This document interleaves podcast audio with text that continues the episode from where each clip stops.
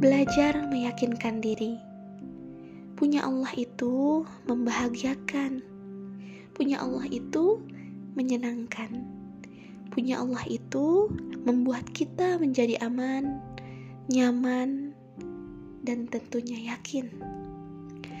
Segala tentang janji Allah, tugas kita hanyalah satu, yakni beribadah kepadanya meyakini bahwa janji Allah itu benar. Tentang bagaimana janji itu datang, itu bukanlah urusan kita. Seperti contoh, seseorang yang yakin sama Allah, ketika mendapat nikmat, maka dia akan segera mengucap Alhamdulillah. Dia akan berterima kasih dengan sholat sunnah dua rakaat misalnya, dengan berpuasa dan lain-lain. Itulah cerminan bahwa seseorang yakin kepada Allah. Yakin yang bukan kosong belaka.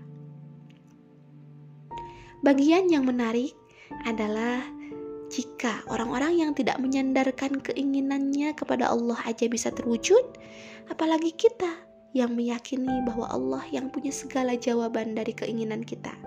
Subhanallah, apa yang tidak mungkin bagi Allah? Hanya Allah yang tahu kemampuan dan ketidakmampuan kita. Ketika Allah tahu kita tidak mampu, Allah akan memberikan kemampuannya untuk memampukan kita. Ketika kita yakin sama Allah, bergerak, punya impian, apa pun impiannya, maka Allah bukan hanya akan mendengar, tapi Allah akan mewujudkan impian kita. Allahu a'lam.